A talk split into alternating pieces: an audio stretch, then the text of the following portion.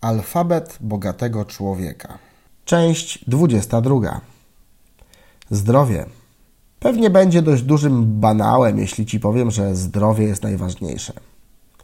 Słyszałeś to i mówiłeś albo mówiłaś setki albo tysiące razy. Tymczasem temat zdrowia nie motywuje ludzi zdrowych. Potencjalne zagrożenia, o których wiesz, ale które nie dotyczą cię bezpośrednio, nie są motywatorem do podjęcia działania. Wiem coś o tym z własnego doświadczenia. Marnujemy zdrowie w pogoni za pieniędzmi i karierą, a potem wydajemy pieniądze na odzyskanie zdrowia. Zdecydowanie lepiej i łatwiej jest zapobiegać niż leczyć, więc podstawą jest wiedza na temat Twojego obecnego stanu zdrowia i badania kontrolne, których większość z nas niestety nie robi. I Pisząc to, pozwalam sobie na nutkę hipokryzji, bo sam, będąc człowiekiem czującym się zdrowo i jednocześnie wiedzącym, jak funkcjonuje polska służba zdrowia, także prywatna, bo nad publiczną spuszczam zasłonę milczenia, staram się trzymać od niej jak najdalej. Kolejnym bardzo ważnym elementem w procesie dbania o zdrowie, z którego korzystam za to bardzo konsekwentnie, jest regularne dbanie o regenerację.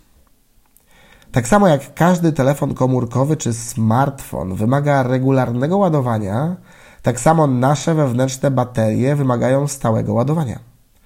To między innymi dlatego od kilku lat jeździmy wraz z moją rodziną na wakacje co najmniej dwa, a najczęściej trzy do czterech razy w roku. To właśnie dlatego ważnym elementem codziennych rutyn jest korzystanie ze stanów relaksacyjnych przez jednych określanych mianem hipnozy, przez innych medytacji. Wiele chorób dzisiejszych czasów ma podłoże psychosomatyczne. Nerwice, nerwobóle, stany depresyjne często są rezultatem nadmiernej eksploatacji naszych organizmów, zarówno na poziomie czysto fizycznym, jak i emocjonalnym. Doświadczenia bólowe to nawet do 80% stres. Regularne redukowanie nadmiernego poziomu stresu to jeden z kluczy do długoterminowej wydajności, skuteczności i dobrego zdrowia. Jednym z najlepszych narzędzi odstresowujących jest korzystanie z własnych zdolności do mentalnego odprężania, które pojawiają się, gdy wchodzimy w hipnotyczny trans. Zatem zachęcam Cię do korzystania z potęgi Twojego własnego umysłu.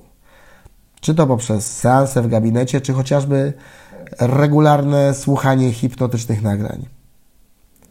Jeśli chcesz, możesz korzystać z moich nagrań albo nagrań innych ludzi, ale po prostu rób to regularnie, bo bez zdrowia bardzo trudno o sukces.